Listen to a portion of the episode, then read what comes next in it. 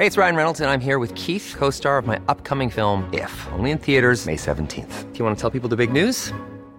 All right, I'll do it. Sign up now and you'll get unlimited for $15 a month in six months of Paramount Plus Essential Plan on us. Mintmobile.com slash switch.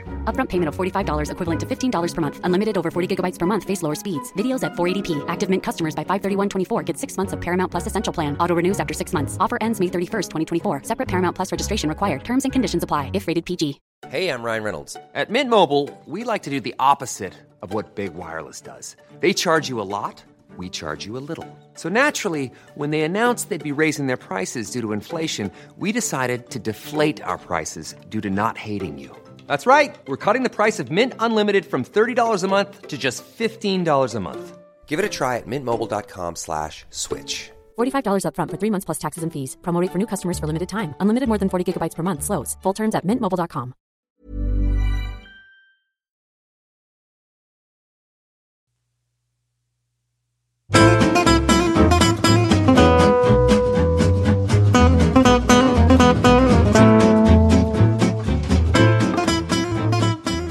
Okej, då säger vi hej och hjärtligt välkomna till bonusavsnittet av Handbollspodden Avkast. Vi har eh, ju eh, fått tillbaka Charlie Sjöstrand. Vi har ju haft dig utlånad till Simor egentligen under nio år eller vad det är. Men du har ju varit även podden trogen under den tiden. Men just de här senaste veckorna när du har jobbat så fruktansvärt hårt och haft sändningar typ varje kväll.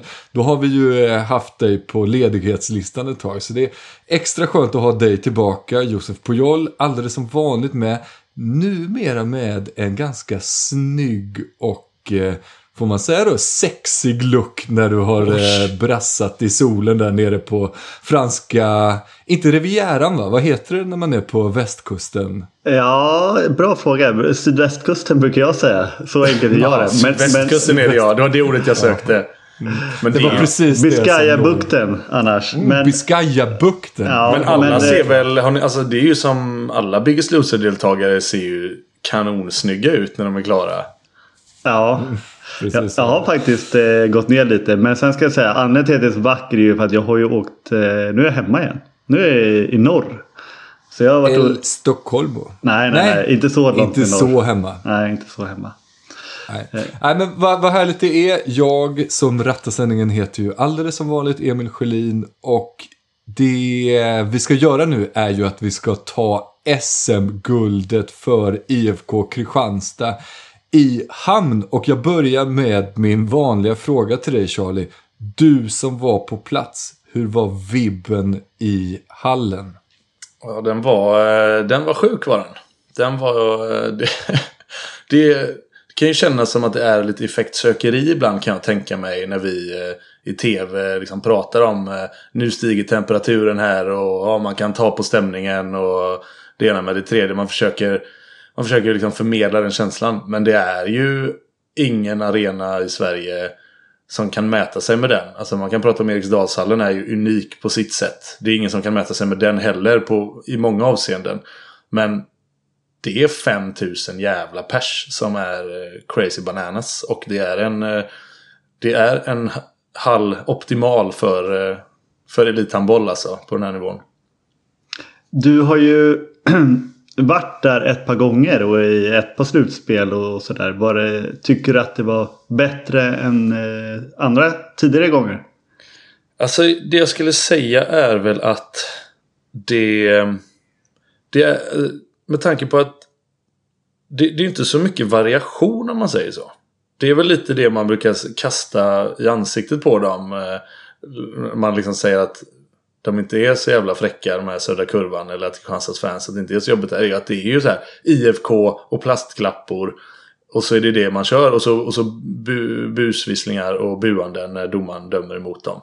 Så här, mer än så är det ju inte. Det är ju liksom inga, inga ramsor, inga sånger, inget, inget annorlunda. Men med det sagt, det betyder ju också att det enda sättet man kan, man kan mäta det då är ju eh, i volym. Det var, alltså, det var fler nu. Decibel. Ja, men ja, och så här, det var fler nu än i match tre. Och fler, än i, och fler i match 3 än i match 1. Vilket gör att ja, men match 3 var lite bättre stämning än match 1. Match 5 var bättre stämning än match 3. Alltså så här, ju fler som kommer in där desto sjukare stämning blir det liksom. Jag kan också tänka mig att de här åren utan SM-guld har jobbat upp en viss hunger också. Det var ju ett tag när IFK Kristianstad dominerade på ett sätt som till slut måste generera en viss mättnadskänsla hos fansen. Men nu har det ju varit en liten kräftgång, en ökenvandring eller vad vi nu ska kalla det. Och jag tror att den bygger upp en välbehövlig energi hos hemmafansen. Ja, så kan det absolut vara. Jag trodde ju dock att det skulle vara helt fullsatt i match 1. Det, alltså så här, det, det, var det ju inte, vilket förvånar mig. För att det är så här, nu har det inte varit SM-final där på fem eller sex år. Fem år. Då, eh, då borde det väl eh, då borde det väl vara lapp på luckan redan den gången. Men det, det krävdes ju en match fem för att det verkligen skulle bli helt slutsålt. Ja, det, det har jag. Jag läste någonstans att de hade eh, höjt sitt snitt i slutspelet gentemot grundserien med över tusen personer. Mm. Eh, men, men det har ju varit, med Kristianstads mått mätt ska sägas, en lite eh, besvikelse publikmässigt de senaste åren. Eh, så man får ju i alla fall hoppas att det här guldet kanske kan skapa någonting också i, i det hänseendet. Alltså jag alltså tror att det här är... En andra vår liksom. Ja, alltså jag tror att det här... Nu, nu har jag inte...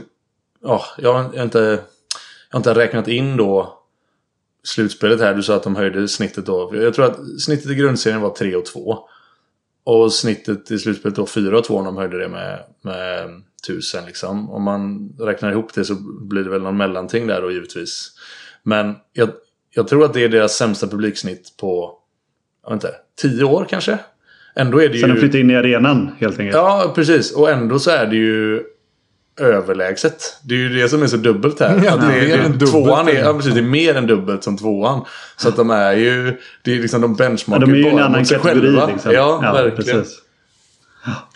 Ja, nej, men det, det, är väldigt läckert. Jag har pratat om det flera gånger att det är en estetisk fråga huruvida man föredrar Bayerns fans eller IFK Kristianstads fans. Men jag håller med dig Charlie. Mäktigheten i trycket av så många människor. Det skojar man inte bort där Nej. nere faktiskt. Nej. Och till slut fick han le då, Marcus Olsson. Den här säsongens eh, MVP i handbollsligan. Det måste vi väl konstatera nu. Ja, och det, och det bara befäster ju det som du alltid trycker på Emil Sjölin. Att man borde inte ha någon omröstning om någonting förrän guldet har delat sig ut liksom. För fan vad han verkligen är MVP. Och innan jag glömmer av det. Var inte det det svenskaste Marcus Olssoniga svaret man kan få eller man kan ge när Patrik Westberg tar honom direkt på slutvisslan och säger Alltså hur ska ni fira detta? Ni kommer ju riva hela Kristianstad. Och han bara Ja, får se. Det är ju måndag. så, så hade inte Maradona svarat i Neapel så att säga. Lite så. Nej.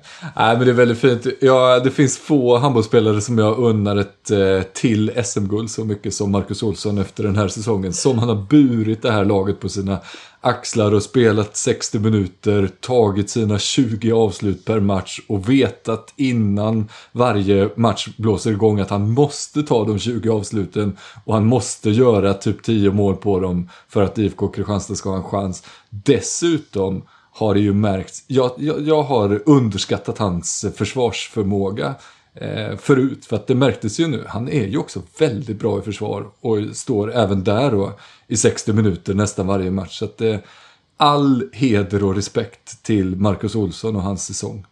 Absolut och eh, det är ju eh, otroligt imponerande alltså att just det där med att ni i Simon vart ju tjatigt hur mycket ni pratade om Marcus Olsson. Och, och, vi pratar om Marcus Olsson varje avsnitt och Sävehof pratar om Marcus Olsson inför varje match. Eh, och ändå liksom komma med de här 10 plus målen ish liksom. Eh, varje gång. Eh, det är jäkligt imponerande. Alltså, han, han går ju inte att, att stoppa eh, i det här eh, finalspelet. Nej, och vi ville gärna. Alltså, man, man, känner ju själv att man tröttnar på sig själv och vi måste, alltså, vi måste prata om något annat. Men det, det går ju inte. Alltså, Nej, nej, det- precis. det, som det, Det ibland hade är blivit löjligt åt andra hållet. Ja, ja men Mm. till, slut är det faktiskt så. Eh, och... Uh, där men så här, jag, Vill ni, ha lite, vill ni ha lite siffror som befäster det? Vi kan dra bara resten av IFK Kristianstads 9 meters uppställning i den här sista finalmatchen. Andreas Absolut. Cederholm, 1 på 6, 16,7 procent.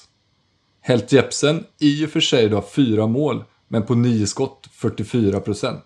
Alltså, Två det- tomt är- mål dessutom. Vilket, alltså, Ja, de ska ju ja, absolut också in, men ja. Jo, jo, ja, men då, då sätter vi två på sju då i det öppna spelet så att säga. Så, ja, det, det, det, är, det är ganska mycket. I och för sig så hade Hallbäck tre på tre då, men, men eh, det, det är fan mycket ansvar på Marcus Olssons axlar. Det är han och sexmeterspelarna i IFK Kristianstad som har gjort det framåt. Men det är inte framåt som IFK Kristianstad har vunnit det här SM-guldet. Det är bakåt.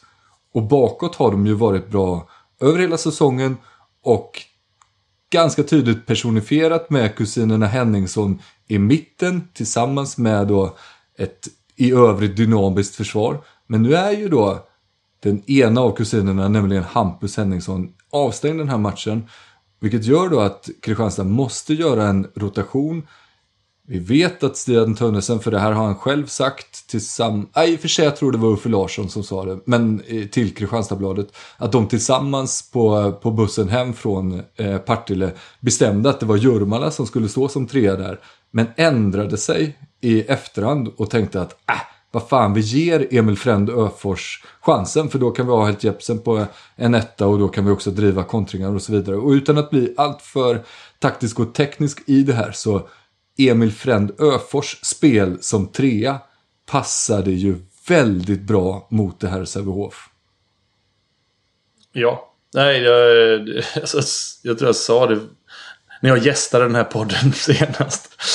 att eh, ja, men han spelar liksom... Du kan använda, han- det var någon match han spelade vänster 1, vänster 2, höger 2, vänster 3 tror jag. Och, och eh, att, att liksom... Han gör det bra. Han, alltså den första halvleken från IFK Kristianstad med Ulfred Öfors på vänster 3, merparten. Den är ju jättebra. och det, det är också... Och då är, men Filip Henriksson kunde då spela lite höger tre. Som du har efterlyst Josef. Att du är inte så här säker på varför ska alltid Hampus Henriksson stå på höger tre och bla bla bla. Men vi ska inte fastna i det. För då, då försvinner ju Christians pappa och Emils pappa från den här podden direkt. Men vi kan bara nöja oss och konstatera det att Emil från Öfors är... Ja men vilken jävla... Det kanske var jävligt bra för Kristianstad. Att Hampus Henriksson var avstängd. Det kanske inte är så dumt att ha en smart och snabb trea i alla fall. Och, eh, jag hade en annan deppig vinkel i mitt egna huvud. Det var faktiskt att jag tyckte lite synd om Emil Frän Öfors att det här upptäcks nu. Eh, alltså att, för att eh, en kantspelare som kan spela eh, på en tvåa till exempel. Alltså det, det gör eh, eh, honom väldigt, väldigt mycket mer attraktiv som spelare internationellt sett.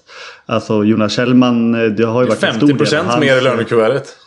Ja men ish alltså. Eh, alltså. Det hade kunnat ta hans karriär som förvisso, han har ju varit i Kiel då, så det kan väl inte bli så mycket högre. Men liksom alltså, han, det hade verkligen gjort något om han kanske som ung eh, redan där hade börjat kliva in i tvåan. För uppenbarligen kan han ju hantera det och ha fysiken för det. Men eh, ja, det var, det var en detalj i det hela. Vi kan ju välja den ljusa, glada sidan.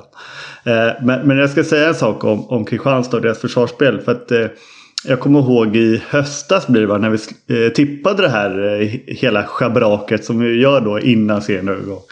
Då tippade ju ni två Kristianstad som seriesegrare. Eh, och jag, eller som SM-guldvinnare tror jag. Och jag tror att, och jag, Det där tror jag att jag var noggrann med. Ja. Vi skiter i seriesegrare, vi vill ha SM-guldvinnare. Exakt, och jag hade Sävehof tror jag. Eh, sen någon gång i höstas då ändrade jag mig. Och så, eh, alltså typ i november-december. Då sa jag Kristianstad. Och det var efter att ha sett. Det var efter en match där de fick till sitt försvarsspel sådär bra. För att det är just. Eh, alltså det förstärker verkligen. Och jag har ju varit kritisk i den här podden hela, hela året och hela vägen in. Och är det fortfarande egentligen till deras anfallsspel. Alltså jag tycker att de inte får ut. De kan få ut mer av det Men deras försvarsspel är så bra och deras försvarsspel i den där arenan framför allt. Där de kommer upp i liksom den sjätte, sjunde växeln om det nu finns bilar som har en sån. Eh, där, där, där den energin som de kan skapa tillsammans med de där 5000 personerna eh, gör extremt svårforcerat. Och eh, även ett så pass bollskickligt IK Sävehof som vi hela året har berömt för deras kreativa och skickliga anfallsspel.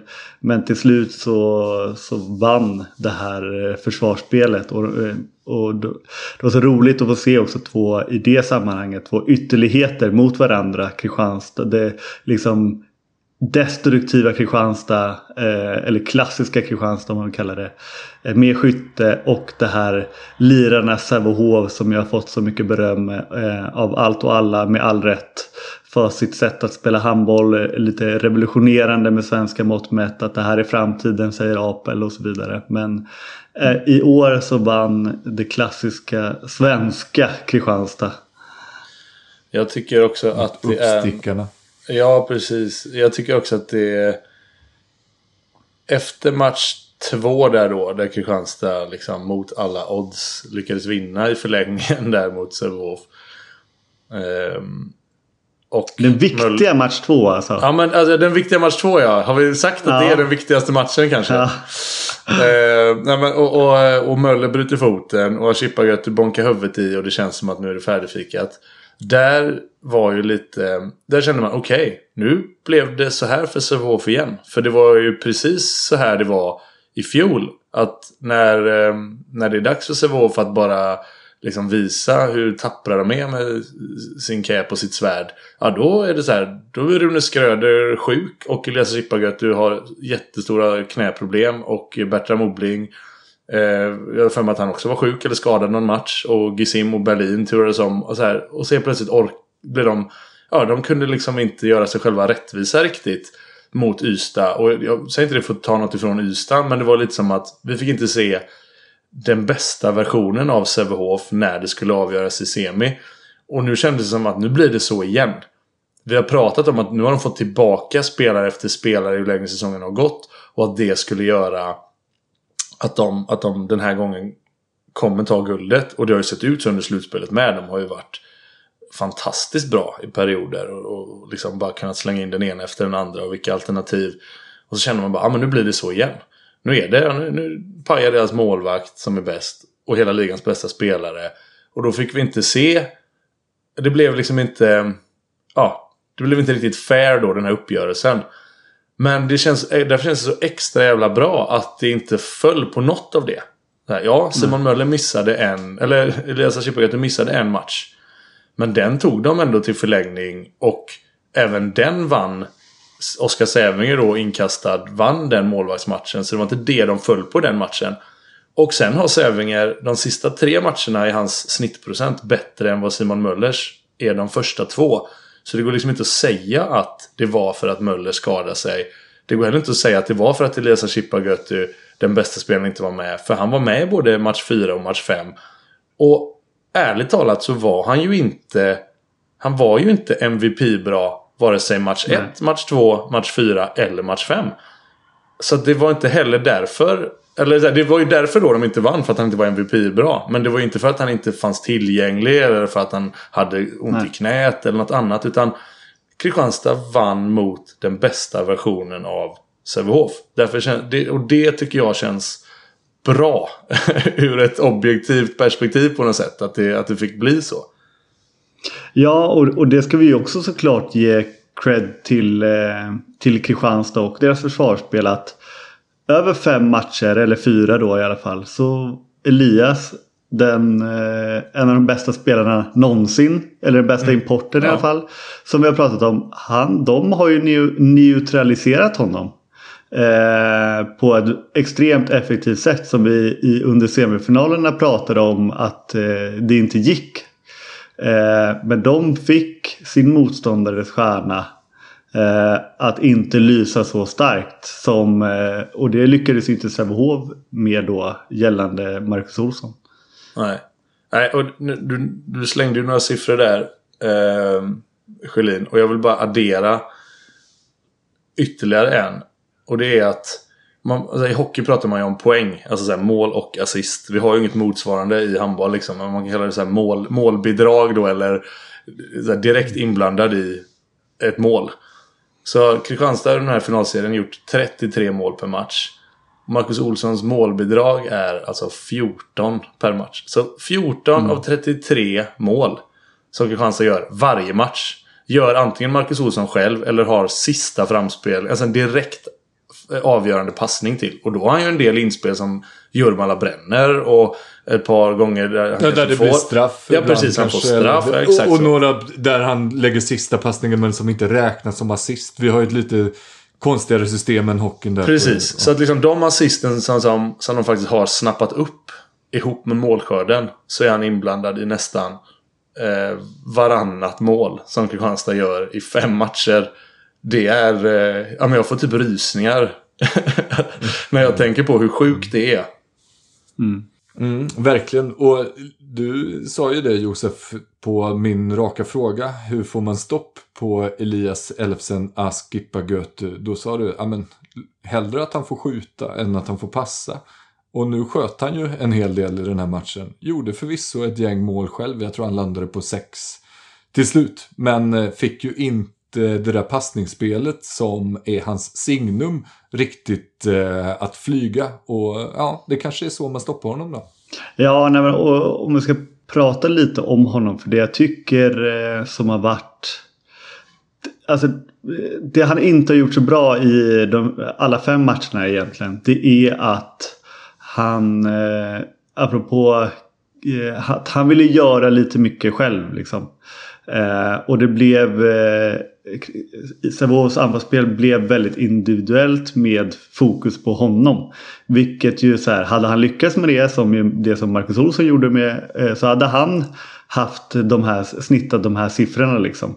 Men när det inte funkar att, att man liksom in, går tillbaka till basics lite för att Sävehof fick faktiskt ett, ett bättre kollektivt anfallsspel när Elias inte spelade. Eh, vilket ju är, låter sjukt liksom. Eh, men eh, det, så var det. Eh, och det märkte man. Och det är så jävla svår balansgång det där med. För det är klart att det ser ju Apel också.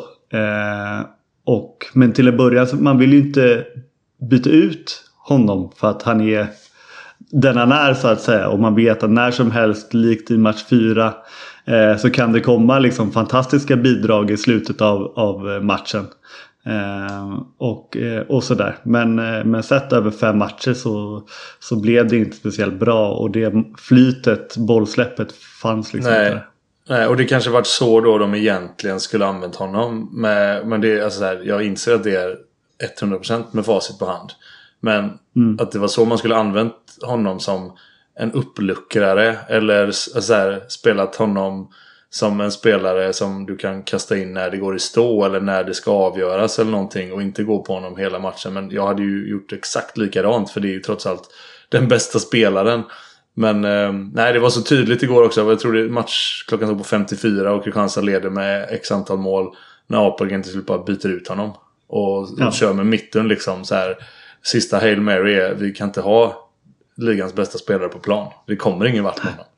Det Nej. var ganska, ja det var eh, en talande bild. Verkligen. Jag tänker att vi ska lyfta tre hjältar till i IFK Kristianstad. Ni får gärna addera fler, eh, både spelare och eh, andra scenarion sen. Men jag tycker att vi ska lyfta kaptenen och den rutinerade trotjänaren Anton Hallén. Jävlar vilken match han gör. Han är klinisk i sina avslut. Han är en pådrivare. Han jobbar bakåt. Han gör egentligen allt man kan förvänta sig av en högerkant i ja, dels den här matchen men också matchserien tycker jag. Eh, så att det, han ska creddas. Espen Christensen såklart också varit direkt svag i finalserien. Gjort ett halvbra slutspel överlag. Men i den här matchen så är han tungan på vågen. Den tredje spelaren som jag vill lyfta, lite mer oväntad kanske. Alfred En. Vad gött det är, ja, men vad gött det är att ha en så lojal lagspelare. Tänk det är att vara en så bra handbollsspelare som Alfred En. får sitta bänk i i princip 60 minuter över en hel säsong. Men ändå, när tränaren behöver en, om det nu är så att man får byta in och stå som etta i försvar. Att vara så lojal så att man bara säger jajamän, inga problem, jag löser det, gör det skitbra. Och när jag får eh, ett läge väl, ja men då gör jag väl mål då. Det är inga konstigheter. Jag, jag tycker att han är så jävla bra och jag tycker att, att eh, Önnered ska tacka IFK Kristianstads lite styvmoderliga behandling av honom för att de får en riktigt fin spelare nästa år. Han, eh, han hade en helt fantastisk, eh, jag tror det var match 1. När han, eh, han får komma in. Ja, jag vet, ja, det är väl att Frölunda är antingen utvisad eller behöver vila eller de spelar honom på ett annat sätt. Och han gör två grejer. Jag tror han är inne i totalt 35 sekunder kanske. Så här. Det ena är en superstyrmer. Och det andra är att han får ett knä i pungen. det var så här, stackars Alfredén. Det var ditt bidrag till den här finalen som ni fick stryk med 29-34 eller vad fan det var. Men nej, äh, snyggt att hitta den Sjölin. Jag, ska, jag faktiskt tänkte på det när han signade för Önnered. Nu vet jag att, eh, jag vet inte hur de är nu, men han har ju haft dåliga knän i flera, flera år. Men om man pallar nästa säsong så är det, jag skulle inte bli förvånad om han kommer eh, typ topp fem i skytteligan. Mm. Eh, Som han gjorde i Skövde? Eh, Exakt, ja men just det. När han får den rollen och så, så här, kom, eh, typ, han kommer göra eh, fritt blås på kontringar, på, på avkast och allt sånt där. När han bara får det så är han ju en eh, otrolig goalgetter faktiskt. Ja, men, hans grej är ju att han är nästan lika bra som Frendöfors. Men jag förstår Stian. Hade jag haft Frendöfors så hade jag nog också spelat honom 55 58 minuter. Det, det, finns liksom ingen anledning att göra något annat. Men jag, jag, tycker det var ja, fint ändå att lyfta en sån lojal lirare. Har du, har du något annat Charlie som du eh, känner att eh, så här, För det man glömmer bort när man tänker på den här matchen, eh, match 5 i finalserien. Så ja, IFK Kristianstad vinner med sju. Det känns som att de satte ner foten rejält. Men fram till, eh, ja men i halvtid, då går de ju in i ett likaläge. Det är någonstans i mitten på andra halvlek eller en bit in i den i alla fall. Där händer ju någonting. Kan ni mm. sätta fingret med era expertögon på vad det är som händer där?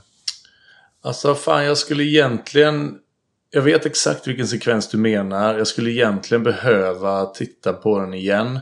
Men jag vill minnas att de går liksom upp till 2016 eller något sånt där. Och i den perioden tror jag att det är, det är minst ett mål i öppen kasse. Kanske till och med två. Eh, så det är, jag tror, alltså... Ja, medveten om att det här då är jävligt... Eh, det är bara Magge eftersom jag skulle behöva se det igen. Så är det liksom ett par missade lägen från Sävehof givetvis. Om det är tekniska fel eller om det är lägen som bommas slash Kristensen räddar. Som gör att eh, Kristianstad kan göra ett par enkla kassar liksom på kontring slash öppet mål. Det var så känslan var. Att det var något stolpskott. Det var någon sån här japan som var helt perfekt. Som Sebastian Karlsson bommar. Eh, liksom, och så kunde Kristianstad istället kontra. Det var den här lite så här sliding door grejer. Ett par stycken i rad mm. som gjorde att de gick iväg till 2016. Det, det var min... Det, det säger ryggraden. Ja men och, och alltså jag kan inte nog påpeka hur viktigt jag tror att det är det här samspelet med publiken. Eh, och den intensiteten som publiken ihop med spelarna skapar i sitt försvarsspel. Eh, för att det är några sådana där eh, stunder i matchen när det liksom Ja men det sker saker på banan så att det höjer temperaturen på läktaren som sen ger energi ut på banan som höjer temperaturen ännu mer på läktaren. Alltså det blir kaka på kaka på kaka. Eh, och, och, när man får sådana, när Kristianstad får sådana ryck, det, det är ju så de har varit kända under hela sin den här guldperioden när det var Olof och Gudmundsson som väller fram i, i kontringen och krigar in ett mål och, och liksom de vinner förlupna bollar och sånt där. Det är exakt sånt som händer i den här matchen tycker jag och eh, som ju är Kristianstads liksom deras bästa grej. Ja, och det är bara att titta på... Eh, liksom, vi återkommer till honom igen då. Det är bara att titta på Marcus Olsson i andra halvlek. Mm. Så är ja men så här, Han håller på att skjuta bort dem, är tanken. Alltså hur många mm. har han i täck? Hur många svaga skott när han ska så här, skjuta runt täcket och Sävinge bara liksom såhär, men snälla jag har tagit den här I tre mitten, i gånger. mitten ja, men, ja, det är så bara, vad fan gör du? Man bara, okej nu, nu är det syrebrist i hjärnan. Och han gör något genombrott, han kommer igenom och bara...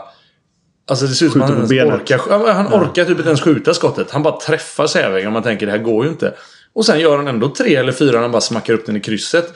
Det hade ju aldrig kunnat hända i någon annan liksom, i någon annan hall än just där. Det är ju att han får någon kraft som inte finns av de här 5000. Av det här momentumet som hans lagkamrater då bygger upp eller vad det än är. Så orkar han svina upp ett par i krysset fastän att det har gått skit i 10 minuter. Det så där var ju verkligen, okej det här är hemmaplansfördel. Så här ser det ut verkligen. Exakt. Det är en eh, hemmaplansfördel i praktiken liksom. Mm, också symptomatisk för eh, vissa typer av stjärnspelare att eh, det spelar inte så jättestor roll hur, om det går bra eller dåligt för att när det väl ska avgöras då ser de till så att det går bra. Jag tycker att Helt Jepsen gör det där riktigt bra också. Han hade ju en usel start på den här matchen om vi ska vara helt uppriktiga. Och hade man haft ett lite svagare psyke eller kanske en lite mer orutinerad handbollshjärna eller vad man ska säga. Då hade det nog varit väldigt lätt i, det, i den stunden att gräva ner sig och tänka att Öh, det var den här kvällen, det här blir inte bra. Men att spela upp sig efter det. Jag tycker också att man kan lyfta Mirsa och Mattias, Kurtagic och Wettervik där. Som jag också tycker hade en svajig inledning på den här matchen. Och ett mindre bra och ett mer orutinerat domarpar hade nog haft svårt att reparera det. De hade två ganska billiga utvisningar ganska tidigt. Men precis som eh, Marcus Olsson, Helt Jepsen, så visar också de ganska stor stjärnkvalitet när de tar tillbaka matchen och går in och äger den. Och i hela andra halvlek sen, då är det inget snack om eh, domarna längre. Nej, men, och det kändes i alla fall kring Mattias Helt Jepsens start. Eh, som att han kände att fan nu har jag inte varit så där bra i fyra matcher. Men idag ska, vi fan, idag ska jag fan vara bra och vi ska fan vinna. Och att han liksom forcerade fram något lite där. Eh, och det, det är ju starkt att liksom backa ifrån det. Som du säger att eh, för att han tar några lägen som han kanske inte borde ta. Skjuter lite tidigt och sånt där. Och, men att Men- backa ut ur det rummet liksom. Jag, men jag, jag har faktiskt noterat det genom alltså, den tiden han har varit i Sverige. Att han nästan alltid är i händelsernas centrum när det ska avgöras och är tight. Och ver- verkligen inte att han alltid är clutch. Alltså att det alltid blir att ah, nu gjorde han ett matchavgörande mål till. Alltså jag, det är ganska många gånger som han slår bort den avgörande passningen. Eh, alltså final 1 till exempel. När Kristianstad kommer upp och är inom två mål. Och, eh, och liksom så här har chans att krympa till ett. Och han bara kastar en passning brett till eh, någon som bryter den. Och det är Berlin. Berlin ja. ja. Ja, det, det är i och för sig ingen så att han försöker göra någon avgörande grej. Men det, det är många matcher i Skövde som jag kommer ihåg när han... Han... han så här, det här anfallet måste sitta. Han tar antingen det sista skottet eller försöker ett inspel. Och det är inte alltid det går hem. Men ibland gör det det. För det är också han som liksom styr upp det helt sjuka anfallet som IFK Skövde gjorde mot Ystad i finalen förra året. Där de lyckas kvittera och få fram förlängningen. Alltså så, här, så att jag vill egentligen bara säga att det är en spelare som absolut inte räds att eh, ta på ansvar. sig den. Nej, men mm. precis, ta det ansvaret som han ska göra. Och ibland så, så eh, är han hjälte och ibland är han syndabock. Men han skulle aldrig, som du säger Sjölin, backa för att göra det. Även om han har haft en lite tyngre match i 50 minuter. Så är det inget snack om att han, men då tar jag det lite lugnt här. Nej, fan heller. Jag, jag borde ta det här och jag ska göra det. Um, sen tycker jag, jag, fan vad jag håller med bara, jag vill bara säga det. Och jag håller med om domarpar, domarparet. Och vad jag tycker det är så jävla rätt att de till slut får fyra av de här fem finalerna. För att det är ju inte bestämt på förhand vilka som ska få alla. Och tanken är nog att det ska portioneras ut lite mellan domarparen. Liksom. Ja, Men- jag tycker att det är lite farligt faktiskt. Men eh, fortsätt förlåt. Jag kan komma in efteråt. Ja, men det, det, absolut. Det får du gärna problematisera. Eh, jag hade tyckt det varit... Alltså jag är inte för att man ska säga att ah, men den här finalserien får det här domarparet. Dels så tror jag att då liksom skrämmer du bort alla. Vad, ska vi hålla på och döma om det redan är bestämt att de här ska döma alla finaler? Men så som det blev med liksom framförallt eftermälet kring match två. Som blev så jävla infekterat och ärligt talat uppförstorat. Eh, så blev det liksom att okej. Mirza och Mattias fick match ett för att de är det högst rankade domarparet. Sen så fick ett annat domarpar match två och så blev det inte så bra. Och då var det så här, okej, nu måste vi... eh, Mirza och Mattias, ni måste lugna ner det här nu. Ni får match tre. Så att vi, så här, vi behöver en bra insats här. Vi, vi går på ett safe kort. För hade det, liksom, det inte blivit som i match två. Då tror jag att det kunde varit ett annat domarpar mycket väl som hade fått match tre liksom. Men nu så här, nej men nu, nu, fan, nu har vi inte råd. Nu måste vi toppa. Nu tar vi dem igen. Och så blev det, blev det väldigt bra. Och då är det så här, okej, nu kan ju faktiskt guldet delas ut här. Ni får match fyra också. Och så blev det inte så. Och då är det så här, nu är vi framme i en femte avgörande. Ska vi då Nu kommer det inte ta... delas Ja, men, nej, men precis, Nu ska vi, exakt, ska vi då inte ta det topprankade domarparet i Sverige på den här finalen? Det går ju inte. Så liksom, de landar då med fyra av fem finaler. Och, men det jag vill egentligen bara notera från den här matchen. Är en situation, det måste varit i första halvlek. När det, alltså här, det är 5000 på läktaren som skriker. Bänkarna är uppe och står. Eh, får något frikast som eh, Kristianstad såklart inte håller med om. Gustav Banke ställer sig upp och bara så här vrålar ut sin ilska över domslutet. Bara ett så här bröl. Så. Och Mirza står några meter därifrån. Bara vänder sig om. Går fram till Banke. Håller upp ett finger. Och jag, liksom, jag läser på läpparna så här. Du får en sån. Du får en sån. Och banken bara okej. så bara sätter sig. Och jag, så här, Ja, jag ska "Fy inte- fan, jag ska inte vad- gasta så. Det är så Ja. jävla snyggt ändå. Liksom, så här, för jag förstår banken var han kommer ifrån. Och han tänker liksom. Ja. Vem ska, så här, vi måste sätta press här nu. Och så bara. Ja just det, det är du som bestämmer ja. Tack ändå. Mm. Och, och så jävla snyggt att inte bara hy, alltså, hysta upp kortet. Utan bara. Du får en sån får du. Nu håller du käften Mm. lille pojk. Ja, för- och så sen, dö, sen dödar det.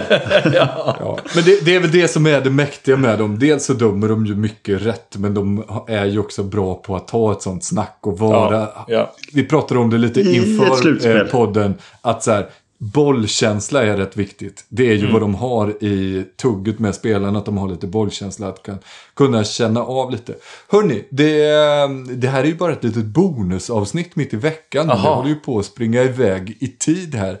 Det har ju varit eh, väldigt härligt att eh, snacka med er och jag tycker att eh, det här SM-guldet till IFK Kristianstad har varit väldigt välförtjänt och det är en mäktig jävla handbollsklubb som har eh, nu då egentligen börjat varva igång ordentligt igen efter några tunga år. Nu har de ett cupguld och ett SM-guld att försvara när vi glider in i en försäsong och sedermera det mera då över i en ny säsong.